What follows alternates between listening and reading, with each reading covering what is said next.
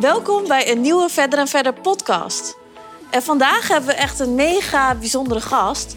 Uh, en ik heb vandaag al op mijn story uh, op Instagram heb ik gepost dat ik al jaren stiekem fan van hem ben. Niet echt stiekem. Nee, niet stiekem. Nee. Ik denk dat ik bijna je eerste boek drie keer heb gelezen. Think and Grow Rich heb ik nu twee keer gelezen. En uh, Je bent wat je denkt heb ik ook nog een keer gelezen. Waar heb ik nog een grappig verhaal over. Maar we zijn hier met Michael Pilacic.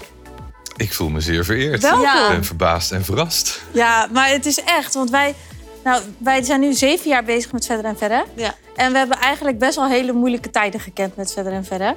Maar daarom vond ik het altijd zo interessant om jouw verhaal te volgen. Want het is wel...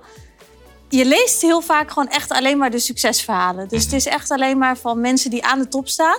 Die vertellen alleen maar hoe het is gegaan. En nooit hoe moeilijk het is geweest. Of dat er, weet je wel, dat je ook mhm. bijvoorbeeld failliet kan gaan. Of wat, wat er allemaal tussendoor kan gebeuren. En ik vond het juist wel heel fijn van jou om te lezen. Gewoon van dat je ook wel in dieptepunten hebt gezeten. Maar dat je daar altijd beter bent uitgekomen. Dus ik vond dat heel verhelderend. Dat dat er eigenlijk nog niet echt was in die tijd. Ja, ik denk wel dat jij de eerste was die deze mindset naar Nederland bracht. Dat geloof ik wel een beetje. Want voordat ik ermee begon, 10, 11 jaar geleden uh, had ik in Nederland niet boeken of sprekers die, die daar heel erg mee bezig waren. Hey, ik kende ze althans niet. In Amerika is het al, uh, ja, ja. denk duizend jaar uh, een hele gewone zaak. Ik had daar heel veel boeken over gelezen. Nou, Think Grow Rich natuurlijk een van die boeken die daar heel erg over gaat. Veel van die boeken zijn geschreven overigens begin vorige eeuw, 1900, 1910, 1930. En ik ging me er steeds meer en meer in verdiepen. Ik vond het zo boeiend. Ja. En toen dacht ik, ja, waar, waarom is het hier niet? Dus ik ben mijn versie daarvan gaan maken. Uh, inmiddels drie keer herschreven. En ja, wat je zegt, met heel veel eigen ervaring. Want dat was wel een van die dingen toen ik het ging schrijven, weet ik nog heel goed. Dat mensen in mijn omgeving zeiden: Ja, maar er zijn al heel veel van dat soort boeken. Wat heeft dat nou voor zin? Wat ga jij toevoegen? En toen dacht ik: Ja, dat is een goede vraag. Wat ga ik toevoegen? Ja. Nou ja, mijn ervaring, waar ik tegenaan ben gelopen, waar het fout ging, hoe ik het heb overwonnen, overleefd, eh, tegenslagen je ziet veel mensen, ondernemers, die hebben allemaal tegenslagen. Dat is logisch. In mijn optiek kan je niet succesvol worden als het niet een keer fout gaat. Als je niet kan omgaan met tegenslag, kan je niet succesvol worden. Dan heb je mazzel, maar meestal is het succes dan voor korte duur. Oh, dat vind ik ook een hele goeie. Ja, maar kijk maar, want ik ben natuurlijk niet de enige. Je ziet, uh, ik zag uh, Roland Kaal bij jullie uh, met Coolcat. Ja, toch ook waanzinnig verhaal. En dan, dan gaat het ineens niet goed. Ja. Als je naar alle, alle ondernemers kijkt die je kent, die, die succesvol zijn in de wereld, in Nederland. Iedereen heeft hele moeilijke tijden gehad. Ja, ja. want jij hebt echt een heel opvallend verhaal, vind ik. Mm Je bent namelijk begonnen als presentator DJ. Ja. En wat, hoe, hoe is dat allemaal gekomen? Want dat was eigenlijk op het begin was dat misschien toen je jong was wel je droom om dat te gaan doen. Ja, voor mij was dat wel mijn droom. Ik wilde bij de radio werken. Ja, maar had je toen al die mindset? Ja, deels wel. Ja, ik, ik heb wel een soort winnaarsmentaliteit. Ik, ik wil graag ik zeg altijd, ik wil graag winnen, maar wel van mezelf. Ik hoef niet van anderen te winnen. De wedstrijd is, is altijd tegen mezelf. Ik wil uit mijn eigen comfortzone. Ik wil altijd groeien. Ik wil verder. En dat er andere mensen beter zijn, dat vind ik ook prima. Dat geeft mij alleen maar de trigger dat, dat er nog meer te oh, ja. Oh, iemand zei ook wel eens tegen me: als je naar de gym gaat, moet je naar een gym gaan waar je de allerslechtste bent. Dat heb ik ook gedaan. En uh, hij zegt: want dan lopen er gasten om je heen waarvan je in het begin denkt van ja, hmm, maar dat is wel de motivatie om door te gaan. Van oké, eh, zij kunnen dat, ik kan het ook. Als jij de beste bent voor je lui. Ja. Ah, je ziet het ook als je succesvol wordt, worden mensen vaak lui. Als succes te makkelijk gaat, word je lui. Eh, waarom zie je bepaalde patronen. Jullie kunnen heel succesvol zijn en op een gegeven moment word je lui. Komt er iemand anders, jong iemand op de markt, nou, jullie in dit geval, die anderen gaan inhalen. Omdat je een heldere visie hebt, je bent weer gemotiveerd, je bent enthousiast. Weet je, op het moment dat mensen te lang succesvol zijn, ze verdienen geld, die gaan in een comfortzone leven. En, eh, en, dan merk je dat je... Ja, ga je opeens veel op vakantie. En dan, uh, zijn Je bent niet meer scherp, ja. Je, je, je, moet scherp blijven. Je moet, je moet altijd mensen om je, om je heen hebben die, die beter zijn dan jij. Daar kan je van leren. Ja, want jij zei ook in dat, of schreef ook in het boek Dansen in de Hemel... van je kunt beter de slechtste kamer hebben in het beste hotel... dan de beste kamer in het slechtste hotel. Ja, goed gelezen. En toen had ik, ja. En toen had, je drie keer leest. Ja. En toen had ik dus echt geen geld. Ja. Maar ik heb daar wel altijd over nagedacht. En het is wel zo, want in, als je in zo'n hotelbar zit, dan ontmoet je weer andere interessante mensen. Ja, ja. En je ont... Het is allemaal echt waar. Ja. ja. Die stukken zijn er wel oh, echt waar. Ja. Ja. ja. Ik had die les geleerd, ik denk toen ik een jaar of 21 was. Mijn mazzel is een beetje geweest dat ik veel vermogende mensen in mijn omgeving had. Dus wat oudere mannen, mijn leeftijd nu. Maar toen was ik 8, 29 of 21. En ik had allemaal mannen van tussen de 50 en de 70 die succesvol waren zakelijk. En een van die mensen, Rob, die zei... Ehm, je kunt beter in het allerbeste hotel in de bezemkast slapen... dan dat je eh, de beste kamer, de suite hebt in een heel goedkoop hotel. Want er komt ander publiek. Ja. En dat is waar. Ik bedoel, het, klinkt wat blasé, maar ga maar eens vliegen in de business class. Ik vloog altijd business toen ik jong was. Want ik kwam altijd iemand tegen in de business class. Weet je, een directeur van een groot bedrijf of een artiest. Ik dacht van, wauw, dat is cool. Ja. Ja, dan moet je maar ze wel dan moet je wel wat mee natuurlijk. doen. Ja, want wij hadden best wel dat wij uh, zijn best wel een beetje verlegen geboren. Ja, ik ook hoor. Echt? Ik ben heel verlegen. Ja? Ja, ik ben heel verlegen. En toen uh, waren we aan het ondernemen. En toen kwamen we dus ook wel op feestjes waar we dus bekende mensen tegenkwamen. En toen zaten we gewoon een gin tonnetje te drinken met elkaar in het hoekje. Ja. En toen zeiden we tegen elkaar... Nou, als we dit zo voortzetten, dan komen we nooit ergens. We moeten op mensen afstappen. Ja. En zo is eigenlijk een beetje gekomen dat we gewoon dachten... Oké, als we dus iemand tegenkomen, een bekend iemand, dan stappen we gewoon op af. Ja. En ook als het één groot disaster, maakt niet uit, want die, die ene keer dat het dus wel leuk is mhm. en wel lukt, kunnen we wel weer wat uithalen en wel weer een sieraad voor iemand maken. En eigenlijk is dat ook wel een beetje ons succes geweest. Maar het zijn kansen die voorbij komen. Ik zal je een verhaal vertellen? Ik was uh, heel jong. Uh, begin twintig ook. En ik ging skiën. Ik 5, 6, 27. En ik ging skiën in Zermatt. We gaan altijd skiën in Zermatt. En ik sta uh, best wel lang te wachten in de rij. En mijn vriendin die tikt me aan. Die zegt, kijk eens wie naast je staat. Ik denk, Richard Branson. Ja. Oh, ja. Richard Branson was echt nog steeds was wel een hel toen. Ja. Wauw, weet je, ik had zijn boek gelezen. Wauw, Branson. En daarna, dus een hele lange lift als je naar de Matterhorn gaat, zit Richard Branson naast mij in, in de lift, in de gondel. Wat cool. En ik had hetzelfde van. Wat ga, ja. ga die man niet aanspreken? Wel, uh, ik werkte bij 538. Ja. Ja, ga, ga ja. aanspreken. Want ja, doe je niet. Nou, gaat die deur open. Ja, Dit was de kans. Hij kon er niet uit. Het ergste wat me had kunnen overkomen is dat hij had gezegd: joh, ik heb er geen zin in. Jammer dan. Maar heel vaak merk je dat dit soort mensen super enthousiast zijn en heel vriendelijk en die willen gewoon graag met je praten. Ja, ja. maar uiteindelijk ik was het de kans, kans gemist. Oh, wat zonde. Anders had je nu misschien beste vrienden geweest. Nou, beste vrienden. had je in ieder geval een, een keer een gesprek kunnen hebben. Ja. Was dus ja, je, je moet dat durven. Je moet over die verlegenheid durven Maar vind je dat nu, nu wel heel makkelijk? Of heb je nog steeds wel? Als nu... nu vind ik het niet meer moeilijk. Nee. Maar dat heeft wel lang geduurd hoor. Ik denk dat het ook een oefening is. Ja, het is echt een oefening. Ja, en... Alles is een oefening. Ja. Doordat je het nooit doet, word je er nooit goed in. Ja. Ik heb laatst een verhaaltje, uh, geloof op Instagram gezet, ook van mensen die hebben altijd faalangst en bang dat het misgaat. Mensen die willen gaan ondernemen. Ja, maar wat nou als het misgaat? Maar als het nooit misgaat, kun je er niet mee leren omgaan. Ja. Dus kun je nooit succesvol worden. Dus je moet fouten maken om uiteindelijk daarvan te kunnen leren. Ja. En als je zelf de kans niet geeft om te kunnen leren, kan je niet beter worden. Ja. ja. Zo simpel is het. Ja. Maar jij bent toch ook een keer failliet gegaan? En niet failliet. Ik, ik heb heel veel geld verloren. En, ik ben nooit failliet geweest. En hoe is dat? Ik was gewoon mijn geld kwijt. Ik heb het verspeeld op de beurs. Ja. Toen, uh, maar ja, dat heb ik. Ja, ja dat staat in het boek ja, ja dat verhaal is dan weer wel waar. Het is mooi als je een roman schrijft dat je dingen kan gebruiken die wel en niet, niet echt zijn. En, ehm, en ik heb hetzelfde meegemaakt toen ik uh, mijn eerste grote bedrijf aan het bouwen was. Ik had twee investeerders, grote investeerders, betaalde echt veel geld. En uiteindelijk werd dat politiek moeilijk andere visie. Uh, toen het heel succesvol werd, dacht iemand van ja, nou, nu ga ik gewoon de boel runnen. En, uh, en ik was een, een broekie, dus ik ben letterlijk een klein ventje. Ja. Toen zeiden ze ook, uh, ga maar weg. Dan word je dus uit je eigen bedrijf word je weggestuurd. Ja. Nou, dat is niet heel leuk. Nee. En, en hoe heeft jouw mindset daarmee geholpen om daaruit te komen en toch weer succesvol te worden? Nou, de, de, dat is wel een mooi stukje in Dansen in de Hemel. Want die, ik, ik heb daar een hoofdpersoon van gemaakt, die draait wel door.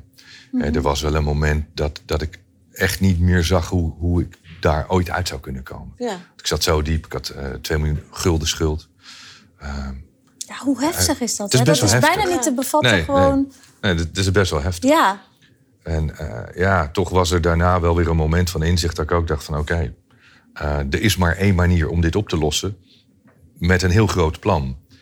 Want door in loondienst te gaan of een bedrijfje te beginnen, ga, ga je dit niet oplossen. Nee. En toen heb ik uh, mijn zakelijk mentor ontmoet. En die heeft mij alles geleerd. Dat is Den Peña, toch? ja. ja. En die heb, hoe, want hoe heb jij die ontmoet? Dus hoe is dat gegaan? Ah, die gaf een, um, een seminar in het Hilton in uh, Amsterdam. Op de Apollo-laan. En een vriendje van, van me zei, joh, uh, daar moeten we naartoe. Die man, die, ja, een of andere Amerikaanse business coach, zakenman die, die doet seminars en die leg je dan uit hoe je rijk kan worden. Nou, als er één ding is wat je nodig hebt. Maar dat kost toch echt 30.000 euro nou, voor dat was, of was 500 uh, eh, gulden toen voor een uh, middag of zo'n dagseminar. Maar en toen was hij nog niet zo bekend, denk ik. Nee, hij was helemaal niet bekend. Hij was echt niet bekend. Oh, je moet je na... Want ik, mensen vragen me wel eens, hoe kwam je erachter? Nou, ik denk flyeren of zo, geen idee. Want er was geen internet nog echt in die tijd. En, um, en daar vertelde hij dat hij privé seminars deed op zijn kasteel in Schotland. Voor hele kleine groepjes van vijf of zes mensen toen de tijd. En dat kostte 25.000 eh, gulden, 16, 17, 18.000 euro is het nu geloof ik. Daarna ben ik nog uh, keer geweest. Oh, maar dat, dat heeft je leven dus eigenlijk wel echt veranderd. En waarom? Omdat deze meneer mij leerde uh, hoe je een onderneming bouwt ik had geen ouders die ondernemer waren. Ik kende geen ondernemers. Nog nooit had iemand mij geleerd hoe je, hoe je een onderneming opzet, hoe dat werkt. En sterker nog, uh, hij vertelde mij dat je bedrijven kon kopen en verkopen. Dat was in 1999, 2000. Dat was in de tijd dat ongeveer ieder bedrijf naar de beurs ging. Een hele andere periode dan, dan nu. Maar er was zoveel geld in de wereld en iedereen wilde investeren. Dus als je een wauws idee had. En in die tijd, de opkomst van internet, je zei: ik doe iets met content en internet. maar letterlijk, dan stonden er mensen echt in de rij. Maar letterlijk. Iedereen wilde erbij zijn. Ja. KPN belde mij op na een paar maanden. KPN. Ja. En zeiden, we willen 30 miljoen in je investeren. Zeg maar wat we moeten doen. En ik, ik had zoiets van, uh, oké, voor mij was dat heel veel geld. Ja. En, ja, en dat was die periode. En Den leerde mij dat je dus bedrijven kon kopen, ja, ga je dat financieren. Zonder eigen geld eh, kon je bedrijven kopen en die voegde je samen. Die kon je of verkopen of naar de beurs brengen. Dus daar zijn we toen eh, een paar jaar mee bezig geweest. Dan hadden we ook heel snel een heel groot bedrijf. We hadden heel veel mediabedrijven gekocht en internet. En dat voegden we allemaal samen in die periode. Wat bijzonder, want dan ben je echt vanuit een hele eh, andere hoek... ben je gewoon echt een hele goede ondernemer geworden. Tenminste, dat, zo kijk ik ernaar. Maar ik denk wel dat het gewoon dat je dat, die lessen die je toen hebt geleerd, dat je die nu wel allemaal meeneemt in je boeken van. Weet natuurlijk. je? En vergeet niet, ik ben uh, vanaf het allereerste begin van Radio 538 ben ik daarbij betrokken geweest. Hè, van het bedenken, alles, het, het, hele ontstaan, totdat het succesvol werd. Dus ik heb een radiostation zien, zien starten vanuit niks, echt vanuit het idee dat, dat onze baas had Totdat het verkocht werd voor 200 miljoen. Dus als je daarin meeloopt en je ziet op de achtergrond hoe, hoe laten we zeggen, slimme zakenmensen een bedrijf bouwen, wat dan toevallig een radiostation was. In het begin was het voor mij geen bedrijf. Ik draaide plaatjes, ik was DJ, ik vond het leuk. Later besefte ik me heel goed dat dat een onderneming was. Dus ik heb er heel veel van geleerd.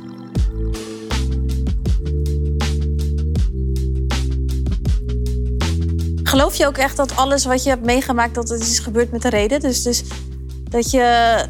Kijk, je kunt zeggen, uh, heel veel dingen zijn toeval in je leven. En als ik nu kijk, uh, Cindy, mijn vrouw, die zegt: oh ja, als je, als je er op een andere manier naar kijkt, wat je nu doet, je staat voor, voor grote zalen, je spreekt voor, voor duizenden mensen, uh, je bent goed in je communicatie, je durft op een podium te staan. Als je kijkt wat je geleerd hebt in, in jouw leven, uh, je hebt leren presenteren, je hebt leren praten. Je hebt voor duizenden mensen vroeger in clubs staan draaien. Weet je, dus al die ervaring van vroeger, die, die, daar heb ik 30 jaar aan kunnen werken. Ja. Als iemand nu zegt, er komen vaak mensen zeggen... ja, ik wil hetzelfde doen als jij. Ik zeg, maar ik heb, ik heb daar misschien heel lang aan moeten werken... om te kunnen wat ik nu kan. Ja.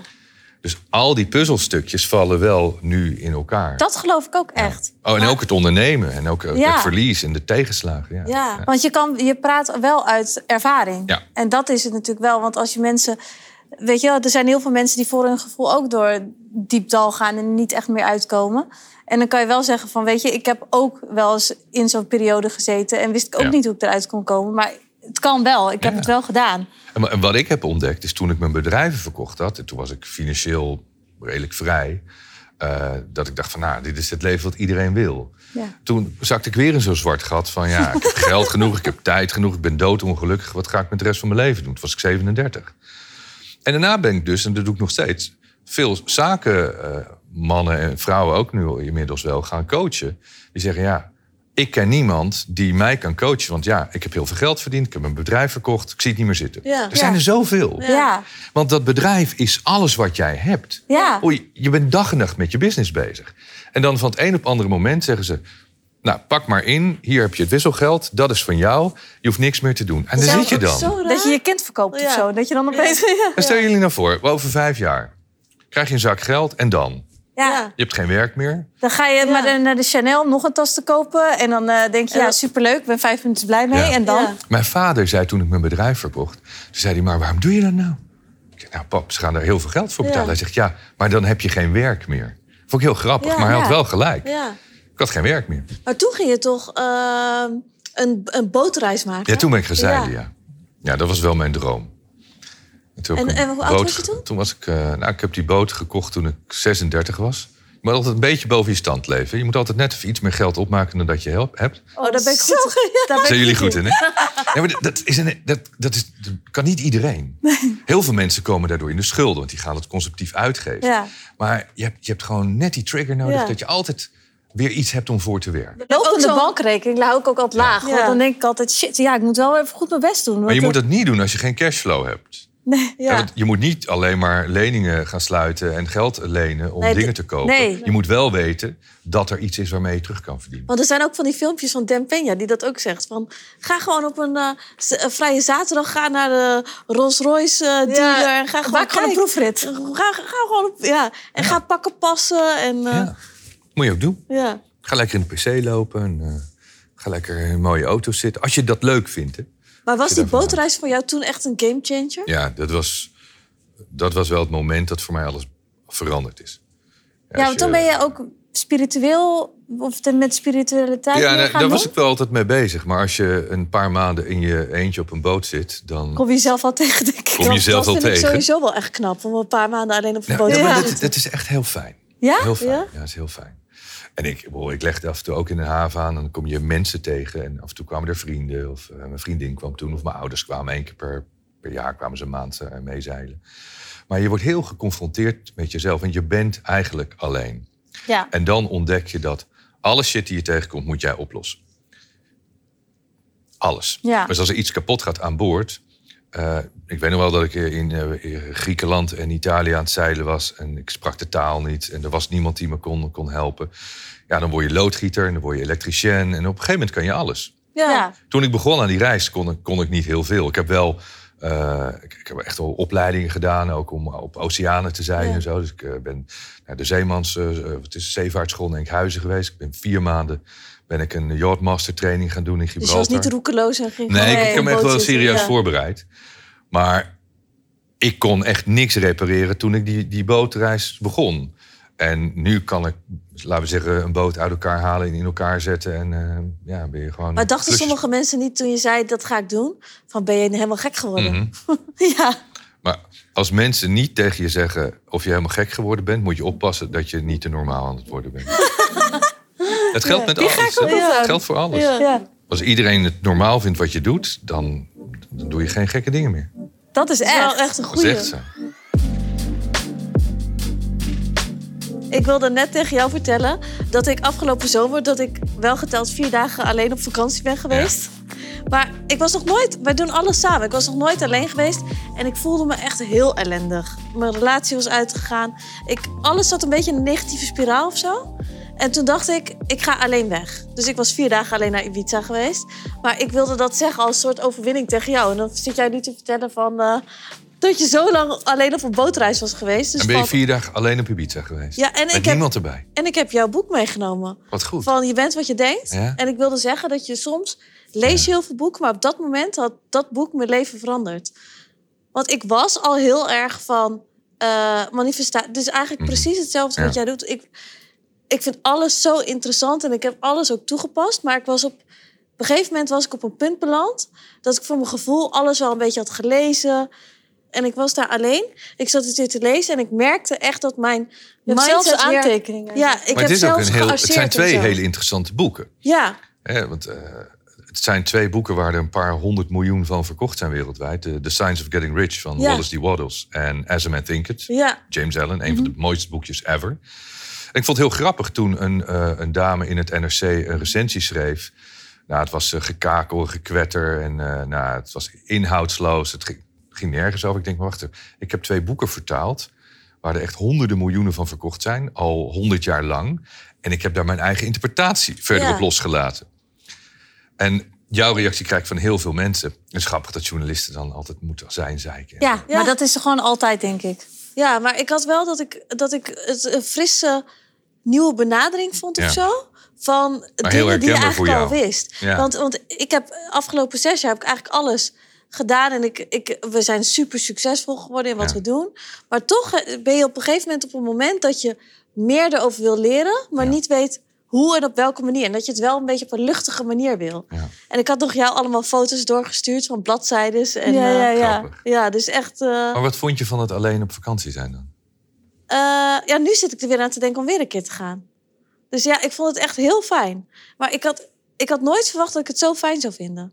Af en ook- toe is de, is de stilte en de rust opzoeken is wel heel prettig. Ja, en ik vond het ook leuk om... Want ik dacht, wat ga ik nou anders doen dan wat ik leuk vind? Ik dacht eerst, ja, ik ga toch niet in een restaurant zitten alleen? Mhm. Maar toen dacht ik, weet je wat? Ik ga gewoon op date met mezelf. Dus ik ga me leuk aankleden. Ik ga doen alsof ik... Of, gewoon precies doen waar ik zin in heb. Dus ik had een cocktail voor mezelf besteld. Ik was naar een restaurant geweest waar ik heel graag heen wilde. Gewoon alleen. En je geniet er eigenlijk evenveel van. Behalve dat eh, mensen echt dachten dat ik op een date aan het wachten was... die niet kon opdagen. maar ik ging gewoon alleen. Ja, Jij moet het ook nog een keer doen. ja. Ik denk dat dat wel heel belangrijk is, dat je, eh, dat je oké met jezelf kan zijn. Ja. Ja. En dat heel veel mensen zijn dat natuurlijk niet. Want het leven gaat zo snel en gaat zo snel door. De meeste mensen leven juist met mensen om zich heen... om zichzelf maar niet tegen te hoeven komen. Want ja, als je in je eentje bent, dan ben jij het natuurlijk. En dan moet je wel eerlijk zijn naar jezelf. Zolang je druk kan zijn met andere mensen... en je kan bemoeien met andere mensen... of kan zorgen voor andere mensen... hoef je niet met jezelf bezig te zijn. Het is heel fijn als je dat wel kan. En Ja. jezelf beter leert te begrijpen. En Ja. Eh, Als je, als je meer psychologisch inzicht krijgt over waarom jij denkt zoals je denkt en doet wat je doet, kun je ook verklaren waarom je het leven leidt zoals je het leidt. Hè, Dat is voor iedereen totaal verklaarbaar. Dan kun je andere mensen ook beter begrijpen. Ja, ja. Ja. En dat maakt het leven voor iedereen lichter. Ja. En Maar van alles wat jij hebt gedaan, want je hebt heel veel verschillende dingen gedaan. Wat is dan echt wat, je, wat het dichtst bij jou staat of wat jij het leukst vindt om te doen? Ik vind het leukste om eh, te schrijven. Ja? Ja? Want wanneer is het idee ontstaan om zeg maar die mindset kant helemaal op te gaan? Is dat door, die, door Dan Peña gekomen? Nee, Of- ik, ehm, ik wist echt niet meer wat ik moest doen. Toen ik, ik was aan het zeilen en ik dacht van nou, ik ga nooit meer werken. Ik vind het leuk, dat zeilen is top. Maar ja, na vijf jaar op die boot zeilen en... Vijf jaar is ook echt lang. Ja, zo lang. Ja, Ja, ik heb zeven jaar aan boord gewoond. zo. En ik wilde toen met Cindy eh, rond de wereld gaan zeilen. Toen was ik 45, denk ik, 5, 46. En toen waren we wel een beetje begonnen met de Mastermind Academy. Een kleine eventjes organiseren. En toen zei ze, ja, je moet wel een keuze maken. Als je nu gaat zeilen, vijf jaar, zes jaar nog eens rond de wereld... dan één, iedereen is je vergeten. En twee, daarna moet je niet denken dat Het is je... wel eerlijk in ieder Nee, geval. ze is heel eerlijk. Ja. ze is heel eerlijk. En zij was degene die zei van ja, ik heb dit op school nog nooit geleerd. Niemand leert je dit. Waarom ga je dit niet aan, aan andere mensen leren? Ja. En, zo is het ontstaan dat we zijn begonnen. En van het een kwam het ander. Ja, want jij hebt toen eh, al eh, van die evenementen georganiseerd. Daar wilde ik dus heel graag heen altijd. Maar Ja. dan had je dus een minimale omzet. Op het begin moest je dan... Toen, mi- ja, maar als, eh, als ondernemer. Ja, Ja, ik je weet daar- niet meer hoeveel. Ja, 100.000 of Ja, zo, kan geloof wel, ik. ja, ja. Ja, en dat hadden wij niet. En toen, dacht ik, toen durfde ik me ook niet in te Eh, dan moet je schrijven. een berichtje sturen. Ja, en, eh, maar toen waren we een beetje onzeker. Dus Ja. dat durfden we allemaal niet. Ja. En tot de dag van vandaag heb ik gewoon spijt dat we dat niet hebben gedaan. Ja. Maar wel grappig, want toen hadden we ook een droom. Ja, en volgens mij moest je dan ook een brief schrijven of zo. of moest iets. motivatie ja, schrijven. ja, ja, en dat vond ik zo spannend. Ja. Maar ja, ja, joh. eigenlijk hadden we dat gewoon echt moeten doen. Maar begrijp je waarom ik dat doe? Ja, Want dan krijg je alleen maar echt hele... Ik wil echt gemotiveerde Ja. mensen hebben. Maar heb je wel eens mensen ertussen zitten die niet echt gemotiveerd zijn? Jawel, kijk, we doen nu eh 1, 2, 3 juni eh, Maximum Potential in, in Den Bosch. Ik Kunnen wil daar heel graag ik heen. ook. kunnen veel meer mensen komen. Iedereen mag komen. Hè. Het is niet eh, die business wat jij bedoelde, Ja. was echt met motivatie en eh, met 250 mensen of zo. Ehm, dus nu zullen er mensen tussen zitten die minder gemotiveerd zijn. Maar ik heb nu bijvoorbeeld ieder jaar mijn Junior Mastermind Academy. Dat zijn 25, dit jaar 26 studenten tussen de 16 en de 25. 2000 aanmeldingen, allemaal motivatie waarom ze mee willen doen. Oh, wat goed. En het toffe daarvan, het waren er 25. En eentje die, eh, die bleef me stalken, op Insta berichtjes sturen. En waarom ben ik het niet geworden? En heb, je, heb je wel echt goed naar mijn motivatie gekeken? En ik, nee, ik moet erbij zijn. En die, heb ik- die heb ik toegelaten, uiteindelijk. Want als iemand zo dedicated Ja. is en echt een goed verhaal heeft... en op zondagnacht om half één met mij nog gaat zitten appen van... ja, waarom Ja. niet? Nou, dan ben je in mijn optiek ben je gewoon gedreven. Dan wil ik je erbij hebben. Ja. Ja.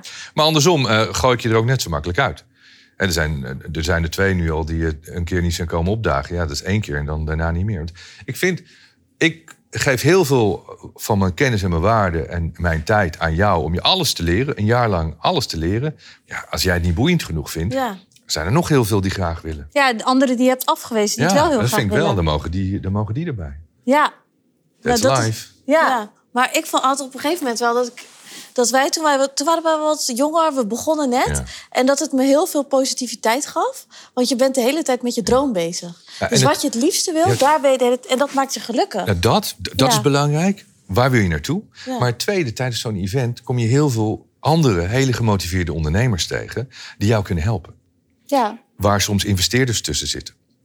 Weet je, er, er doen mensen mee die hun bedrijven verkocht hebben, die het leuk vinden om anderen te helpen. Ja. Dus je, je, je selecteert een, een groep mensen waar je echt wat mee kan.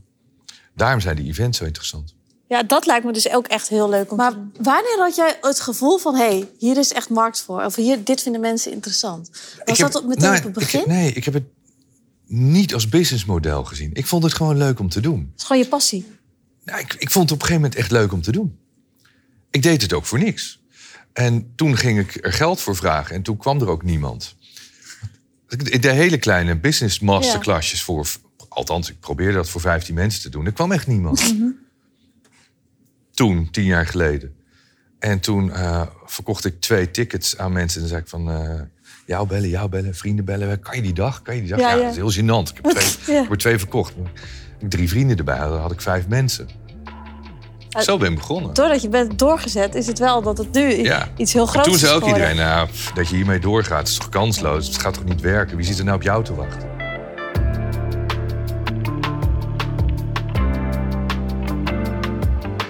Maar wat zijn jouw dromen nou nog? Want je hebt al zoveel bereikt. Ik ben ervan overtuigd door wat ik kan bijdragen aan, aan de mensen die ik kan helpen. Die dat weer kunnen doorgeven aan andere mensen. Dat jij in staat bent om jouw mooiste leven te gaan leven. En dat zeg ik altijd, leef je mooiste leven. Als jij dat doet en jij doet dat. En alle mensen in jouw omgeving gaan dat doen. Gaan meer mensen een positiever leven hebben. Ben je eerder geneigd om verdraagzaam te zijn naar anderen? Ben je eerder geneigd om mensen te helpen? Ja, Minder want boos. Dat vind minder ik ju- oordelen. juist ook wel heel goed aan jouw boeken. Dat er eigenlijk in, dat ook wel naar voren komt. Van als je goed naar anderen bent, dat je het dan ook wel weer terugkrijgt. En dat je nooit Absoluut. egoïstisch mag zijn in dat je alleen succes Nee. voor jezelf wil. Nee. En daarom zeg ik ook altijd: verdien zoveel mogelijk geld, dan kan jij bepalen wat je ermee doet. Ja, Hè, Ik, ik vind het niet erg dat ik heel veel belasting moet betalen. Vind ik niet erg. Ik vind het wel heel erg dramatisch als ik zie wat daar dan wel en niet mee gebeurt. Ja. Ja, als ik nu, omdat mijn ouders heel veel zorg nodig hebben, zie hoe, hoe kwalijk de zorg in Nederland gesteld is. En niet door de mensen, die doen hun best, maar door het systeem dat alles verkloot heeft. Het onderwijs, zorg, eigenlijk het hele land is naar de kloten. Ik denk van ja, waar, waar gaat ons geld naartoe? Ja. Ik zou het fantastisch vinden dat je een soort enquête mag invullen. Dat je zegt van nou, ik betaal eh, een miljoen belasting per jaar, is geen probleem. Maar dan wil ik dat er een half miljoen naar de zorg gaat. En naar het onderwijs en naar, eh, naar dingen waarvan ik denk dat het belangrijk is. Ja. ja. En dat gaat nu in ons systeem via de zogenaamde democratie. Ja. Nou ja, het geld verdwijnt. Ja, dat is echt zo. En dat vind ik zonde. Ja. Is het ook. En heb Dus ja, ik, nogmaals, ik vind gewoon verdien zoveel mogelijk geld. Kan je andere mensen mee helpen? Kan je het weggeven? Ja. En er is misschien ook wel genoeg geld voor iedereen. Dus dat niet als jij Er is- succesvol er is bent, geld genoeg voor hoeft iedereen. niet te zeggen dat ik het niet kan worden. Nee. Ja, dat vind ik ook interessant dat jij dat schrijft in je boek. Weet je, dat je nooit, dat je niet jaloezie, uh, jaloers moet zijn op andere mensen. Want het, succes, het betekent niet als iemand anders succes hebt, dat jij dat ook niet meer kan hebben. Nee, maar als, als jullie iets verkopen, pak je toch geen geld van andere mensen af? Nee. nee. Je, je geeft toch iets aan iemand anders? Die betaalt jou daar een bepaalde waarde voor. En jullie komen overeen dat die waarde oké is. Dus mhm. je hebt er een goed gevoel bij. Maar ik zeg altijd, als je meer geeft dan dat je daarvoor terugvraagt. De, de waarde die jullie vragen in geld, dat is een bedrag. Maar hoeveel gelukswaarde en emotionele waarde levert dat iemand op... als iemand dan denkt van wauw, ik zie er helemaal te gek uit. En dat is toch veel meer waard dan, dan die investering? Ja, en, dat is met daar je, gaat het om. Met je boek is dat extreem. Ja. Want dan denk ik, uh, volgens mij 15 euro of zo, of 20 euro. 15. 20 volgens mij. Ja. ja. en dan denk ik, het kan, zoals met Anne, het kan gewoon je hele leven veranderen. En van een negatieve spiraal kan je gewoon in een positieve spiraal gaan zitten. En dat is eigenlijk onbetaalbaar. Dat is onbetaalbaar. En dat was voor mij op een gegeven moment de reden. Ik, ik krijg tientallen berichtjes op Insta elke dag. Met dit soort verhalen. Dat is voor mij de drive, snap je?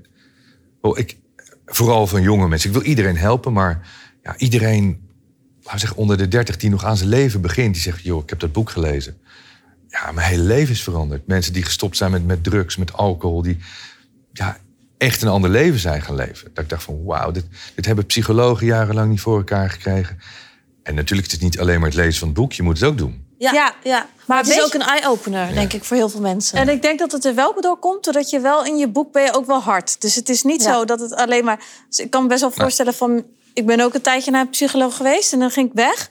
Toen dacht ik echt, oké, ze heeft alleen maar medelijden met me gehad. Mhm. Terwijl ik mezelf echt niet zo heel zielig vond. Mhm. Maar ik ging weg met dat ik mezelf heel zielig vond. Terwijl jij in je boek gewoon zegt van... ja, hallo, je moet het gewoon zelf doen. En hoezo verwacht je deze, een andere uitkomst als je dit erin stopt, zeg maar? Dat soort dingen. Ik, ik, heb wel compassie hoor, maar ik, ik, uh, ben, ik vind je niet snel zielig. Nee. Dus dat is denk ik ook wel gewoon goed. Ik denk ook, Ehm, door jouw boeken. Bijvoorbeeld, wij komen oorspronkelijk uit Nijkerk. Nou, daar is echt, het is gewoon een boerendorpje, zeg maar. Daar is het echt, doe maar normaal en zeg niks over jezelf van dat je iets goed kan. Want als het niet lukt, dan, uh, dan sta je echt voor lul, zeg maar. Dus zo zijn wij echt heel erg opgevoed. Dus dat je ook je dromen en zo mag je eigenlijk niet laten horen. Nee. Want als het niet zo is, dan sta je voor lul. Maar een mens met een droom is een rijk mens. Ja. Iedereen met een droom is rijk mens, want dan heb je iets om voor te leven. Of je nou een kleine of een grote droom hebt. Ja. Dus als je het zo benadert, wat het educatiesysteem, het onderwijs en je ouders en je omgeving van jou afneemt, als ze zeggen, ja, droom nou maar niet, doe dat nou maar niet. Ze nemen eigenlijk jouw leven van je af. Ja. En vaak goed bedoeld. Hè? Want ze bedoelen het goed omdat ze jou willen behoeden voor teleurstellingen, dat het misgaat en dat je, dat je op je bek gaat. Maar daar leer je juist van. Ja, dat Maar mijn moeder is dus jouw boeken gaan lezen. Want ik zei, je moet even deze boeken gaan lezen. En? En uh, nou, ze is gestopt met de baan. Ja, is echt, ja. Ze is gestopt met de baan. En ze heeft het echt elke keer als we naar Nijkerk gaan, zegt ze... Ja, Maaike Polacic zei in de podcast dit en weet je wel. Oh, zit ze, en, en, ze luistert de podcast zonder het hardlopen. Ja, en, uh, ja. ja. Oh, en uh, nee, toen gingen we ook laatst naar Bali en toen zei ze... Ja, en... Uh, uh, ik wil dit nog in mijn leven, ik wil dat nog in mijn leven. Nou, ze is zo oud, is ze 63. Ja. En ze is helemaal het roer aan het omgooien. En ze gaat nu echt dingen doen die ze echt leuk vindt. Wow. En toen zei ze, ik wou dat ik dit veel eerder in mijn leven had geweten. Want wij hebben ons eigen leven eigenlijk gecreëerd. Anders had ik gewoon ergens marketing gedaan voor de Rabobank of zo. Want dat wilde ik mm. gaan doen, omdat mijn vader ook bij de Rabobank werkte. Zoiets.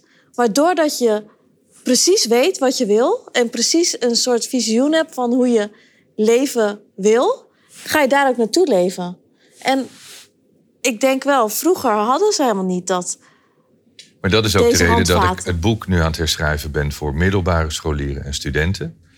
En het liefst zou ik iedereen die naar de middelbare school gaat, gewoon dat boek meegeven. Ja, ja. eigenlijk, zou het vak op school zou het moeten zijn. Ja.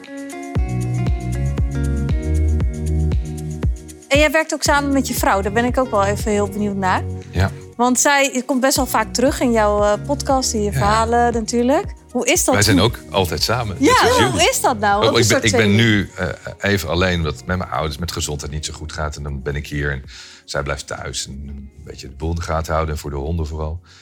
En ja, het is heel ongemakkelijk eigenlijk dat, dat ik niet bij haar oh, ben en zij niet bij mij. Ja, dat, het gebeurt bijna nooit. Want eigenlijk hebben jullie elkaar wel getroffen dat jullie allebei eh, dezelfde, Ja. op dezelfde manier over dingen denken. Want je had Ja, ook een vrouw ja. kunnen Nee. ontmoeten. Ja. Nee, Nee? Oh. nee. Ja, wel kunnen ontmoeten, maar dat was niet lang, eh, lang goed gegaan. Ik zeg ook, ja, het, het is heel moeilijk om met mij te leven, denk ik. Ik denk dat ik niet makkelijk ben. Maar volgens mij is zij best wel een sterke vrouw. Ja. Dus ik Ah, denk ze dat zij wel eh, tegen jou opgewassen is. Want wat is jullie rolverdeling? Zij doet het een en ik doe het andere. Als in? Eh, ja, wij- vullen elkaar echt heel erg goed aan op, op bijna alles. Zou Zo- jij ook zo succesvol zijn geweest zonder haar? Nee. Nee? Dat is wel heel mooi. Ja. nee. Dat, eh, dat, eh, dat gevoel hebben wij ook altijd Ja. wel. N- niet in wat ik nu doe. Nee. Zonder haar was ik dit niet gaan doen. Ja. Waarschijnlijk, denk ik. Had je nu nog op een, op een zeilboot gezeten? Ja, de kans is. eh, kijk, we hadden daar laatst een gesprek over. Ik zeg, de kans is aannemelijk dat ik in mijn eentje wel de wereld was gaan rondzeilen verder. Misschien wel was gaan, eh, gaan schrijven. Dat vind ik wel heel leuk. Maar misschien was ik eh, echt in een hele andere business terechtgekomen. Uiteindelijk wel weer iets gaan ondernemen om geld te verdienen. Maar, maar niet dit. Maar, Zij is wel echt degene geweest die, heeft, die jou heeft gestimuleerd om, om dat wel te gaan absoluut, doen. absoluut. Ja. Wat bijzonder. Ja. En we werken ook heel veel. Mensen zeggen dan, maar hoe gaat het dan thuis? Hebben jullie het dan altijd, ik weet niet het bij jullie is, maar kijk, wij wonen natuurlijk Ja, in een ja, huis. Ja. We werken altijd samen. Als we uit eten gaan, dan praten we meestal over. Oh, ja, voor ons is het geen werk. Ja, nee. snap je? Maar dat vind werk. ik wel heel erg bij jou zo klinken. Jij zegt, ik werk heel veel. Maar voor mij komt het altijd over. Net alsof jij het ideale leven hebt en heel weinig werkt. Ja. Omdat je dat zo makkelijk over praat. Ja, maar we hebben natuurlijk ook problemen, een tegenslag en gedoe. We zijn nu weer eh, huizen aan het verbouwen en, en het park aan het aanleggen. Er- gaan dingen fout. Nou, luxe problemen, maar er gaan wel dingen fout. Ja. Dat moet je oplossen. Eh, eh, best wel gedoe met, met de zorg voor mijn ouders. Dat moeten we wel oplossen. Ja. Ja. Weet je, wij hebben ook in ons privéleven allerlei dingetjes. En zakelijk gaan ook nog best wel eens wat dingen fout. We hebben ook drie bedrijven. Ja. Maar dat is allemaal te handelen. Het voelt niet als werk. Het, ik vind het echt heel leuk. Eh, en, en ik werk natuurlijk thuis. En we wonen heel mooi. En eh, we wonen op Mallorca, dus ik, ik zit ook bijna altijd buiten. Alleen als het echt heel slecht weer is, zitten we binnen. Maar we zitten meestal lekker buiten met de laptop. Dat is ons werk. Ons kantoor is buiten. Ja, super. Ja. Dus ik, ik klaag niet. Alleen, ik merkte wel dat ik de laatste jaren zoveel heb gewerkt... dat ik nu heb gezegd, na die Maxpot in juni... 4 juni heb ik vrij en dan heb ik minimaal zes maanden vrij. Oh, wat heerlijk. Misschien tot, tot negen maanden. Ik ga niet eerder dan maart volgend jaar weer optreden. Theatershow doe ik nu nog. En dan eh, tot, tot maart volgend jaar, april volgend jaar... heb ik echt gewoon rust. Als je er nog bij wil zijn, dan moet je Ja, Dan nu? deze... ja, ja. ja, het is bijna allemaal uitverkocht, maar er zijn nu nog wel wat plekken. En ehm, ik heb die rust ook nodig. Ja. Want af en toe, ik denk iedereen heeft die rust nodig. Zeker als je business hebt en je personeel en klanten... en dus, je eigen Ja. leven en een vriendje en een vriendje uit en gedoe. Het is veel. Ja, Ja. Ja. Het, het leven is... Er zijn zoveel indrukken. Met alle social media en alle gekkigheid die in de wereld speelt. Je hebt af en toe rust nodig. Dus ik neem rust en eh, dan heb ik tijd om een boek te schrijven. Dat zie ik niet als werk. Dus dat, dat is hobby. Nou, wat leuk. Ja, En leef jij je mooiste, mooiste leven? ja absoluut. En sinds wanneer? Nou, ik moet wel zeggen, eh, ik heb altijd met periodes heel erg mijn leven geleefd zoals ik dat graag wilde. Eh, met best wel wat diepe dalen, wat jullie net schetsten. Maar sinds ik met Cindy ben, begin had ik ook nog wat shit op te ruimen. En Want hoe lang ben je nu met haar? Eh, we zijn nu elf jaar samen. En pas getrouwd, toch? Elf jaar geleden Ja. getrouwd. Ja. Ja. Leuk, gefeliciteerd Ja. nog. Ja. Ja. Wel een beetje laat, maar... Ja, een beetje laat. Ja. Ja, een Was zij niet aan het wachten? Nee, Nee? Nee. Ja, op een gegeven moment vonden we dat het toch maar wel van moest komen. En het was toch een beetje, ja... Ik vind het gewoon toch wel fijn om wel getrouwd te zijn. Ja. En, en wij dachten van, nou ja, weet je, getrouwd. eh, ik wilde ook geen ring, vond het allemaal zo'n onzin. Ja. Nu heb je wel een mooie ring. Ja, je kan beter zoveel mogelijk goud bijdragen. Dat als eh, de shit echt eh, losbreekt, dat je weg kan lopen... en dat je je vermogen bij je hebt. Je kunt letterlijk wegrennen. Ja, geleerd van wijze mensen. Je hebt goud op je lichaam echt. nodig. Maar ja, in Amsterdam is het levensgevaarlijk. Ja. Maar, eh, maar die dag heeft ons zo geraakt. Ja, daar, daarvan was ik wel in de war. Ik dacht van, hoe, hoe kon ik me daar niet op hebben voorbereid... dat het zoveel indruk op mij heeft gemaakt. Die dag met, met familie en de beste vrienden. Dat, Dat het nog bijzonder is Ja. dan dat je van tevoren had, had gedacht. onwaarschijnlijk, ja. Het was echt, echt bizar. Ja, ik vind wel echt jou zo'n leuk persoon ook om te volgen. En dit straalt ook echt Nou, vanaf. Ja, dat vind ik leuk. ook. Ja. En ook van Ja. Cindy, want Ja. ik heb de trouwfoto's natuurlijk ook op Ja. haar Instagram gezien. Ja. Dus dat vind ik zo leuk om te zien. En, ik En, vond- en ook wel echt leuk dat je van je passie zo'n groot bedrijf hebt kunnen maken. Zoveel andere mensen kunt inspireren. Ja, Ja. Ik, wij hebben een ehm, event ook georganiseerd, de Selfmade Project. En hebben we ook ons verhaal Mhm. eh, verteld. En ook over manifestatie, mindset. En het is natuurlijk... Ja, ik had daar ook al mega voldoening uit, Ja. jij niet? En moet je nagaan als je gewoon je hele bedrijf daarop hebt gebouwd. Ik vind dat echt heel knap. Oh, ja. ja, en we vonden het echt een eer dat je bij ons in de podcast was. Dus, Nou, ik vond het een eer om hier te mogen zijn. en ik weet, superleuk. we kunnen nog uren doorpraten. Want ik vind alles wat je zegt gewoon interessant. Dank je wel. Ja. Dus heel erg bedankt. En ik wil echt naar Den Bosch. Ik ook. Ja, Naar je event, ja. We gaan dat regelen. Ja. Dank je wel.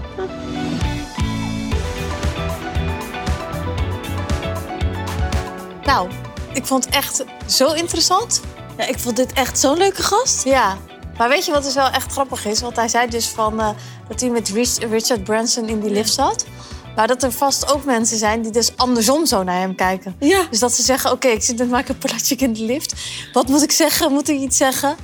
Dat het gewoon ook omge- omgekeerd zo is. Ja, maar dat hij ook dat soort dingen heeft gehad, vond ik ook wel grappig. ja, Want ik heb dat ook wel eens. want je kijkt dan best wel tegen iemand op. Ja. En dan denk je, ja, die hebben dat allemaal niet. Nee, maar ik heb dat ook wel eens hoor. Als ik ergens zit en dan denk ik, ja shit, wat moet ik nu doen? Ja, echt hoor. Dus dat vind ik juist wel... eh, ik vond sowieso wel dat hij wel echt grappige anekdotes en one-liners eruit gooide. Hmm. Ja, eigenlijk wilde ik overal aantekeningen van maken. Ja. Maar het, net zoals in zijn boek heeft hij ook allemaal van die goede quotes. Ja, En dat heeft hij nu ook. ja, Maar ik wil echt wel naar dat event. ja. Daar wil ik ook heen. Dat gaan we zeker doen. Ja. Want eigenlijk wilden we daar natuurlijk al echt zo lang geleden al een keer heen. Dat hebben we toen niet gedaan. Ja. Dus moeten we echt gaan. Ja. Superleuk. Nou, dat was hem weer. Ja, ik ben echt helemaal blij dat we deze gast hebben gehad. Ik, Ik vond ook. het echt. Ik was er best wel zenuwachtig Ja, ik voor. vond het ook heel spannend. Ja. en helemaal leuk, want we mogen dus vijf boeken verloten. Van Ja, Master Your ook- Mindset. Ze zijn ook gesigneerd. Echt? Kijk. Oh, leef je mooiste leven. Ja. Maar vijf van deze boeken mogen we dus verloten. Special editions. En ik, nou persoonlijk hebben wij er echt ontzettend veel van aan gehad. Ik denk dat het ons leven best wel heeft veranderd. Dat we ook door deze boeken zijn gaan ondernemen. En altijd hebben doorgegaan. Ook op mom- momenten dat we het even niet meer zagen zitten. Dus dit is echt een aanrader om te winnen. Dus Ja. ik zou vooral eh, reageren. Hoe kan je dit winnen? Reageer in de comments op YouTube. Ja, en volg ons op YouTube. Ja. Abonneer, Ja. bedoel ik. En reageer in de comments waarom je dit boek graag wil winnen. En daar kiezen wij dan vijf mensen uit die het boek winnen. Maar dan hebben we nog twee prijzen. Dat zijn wel echt hele grote prijzen. Ja, dat zijn namelijk VIP-tickets voor het evenement van Michael Pelagic, 1 en 2 juni. En dat is echt ter waarde van 850 euro of zo. Dus echt... Ja, want de tickets zijn ook VIP. Dus daar wil je echt Ja. zeker heen. Wij zijn er ook. Dus helemaal leuk als we dan jullie tegenkomen. Dus reageer dan ook weer hier op YouTube waarom je naar het evenement wil gaan. Dus het zijn eigenlijk twee dingen waar je op kan reageren. Dus laat vooral in de comments weten wat je wil winnen. Dus dan kiezen we zes winnaars uit. Helemaal leuk. Wij hebben er nu al helemaal zin in. Dus reageer vooral een leuke comment. En wie weet win jij of het boek of het evenement. Nou, dat was het weer voor deze week. Heel erg bedankt voor het kijken en Tot Nou. de volgende podcast.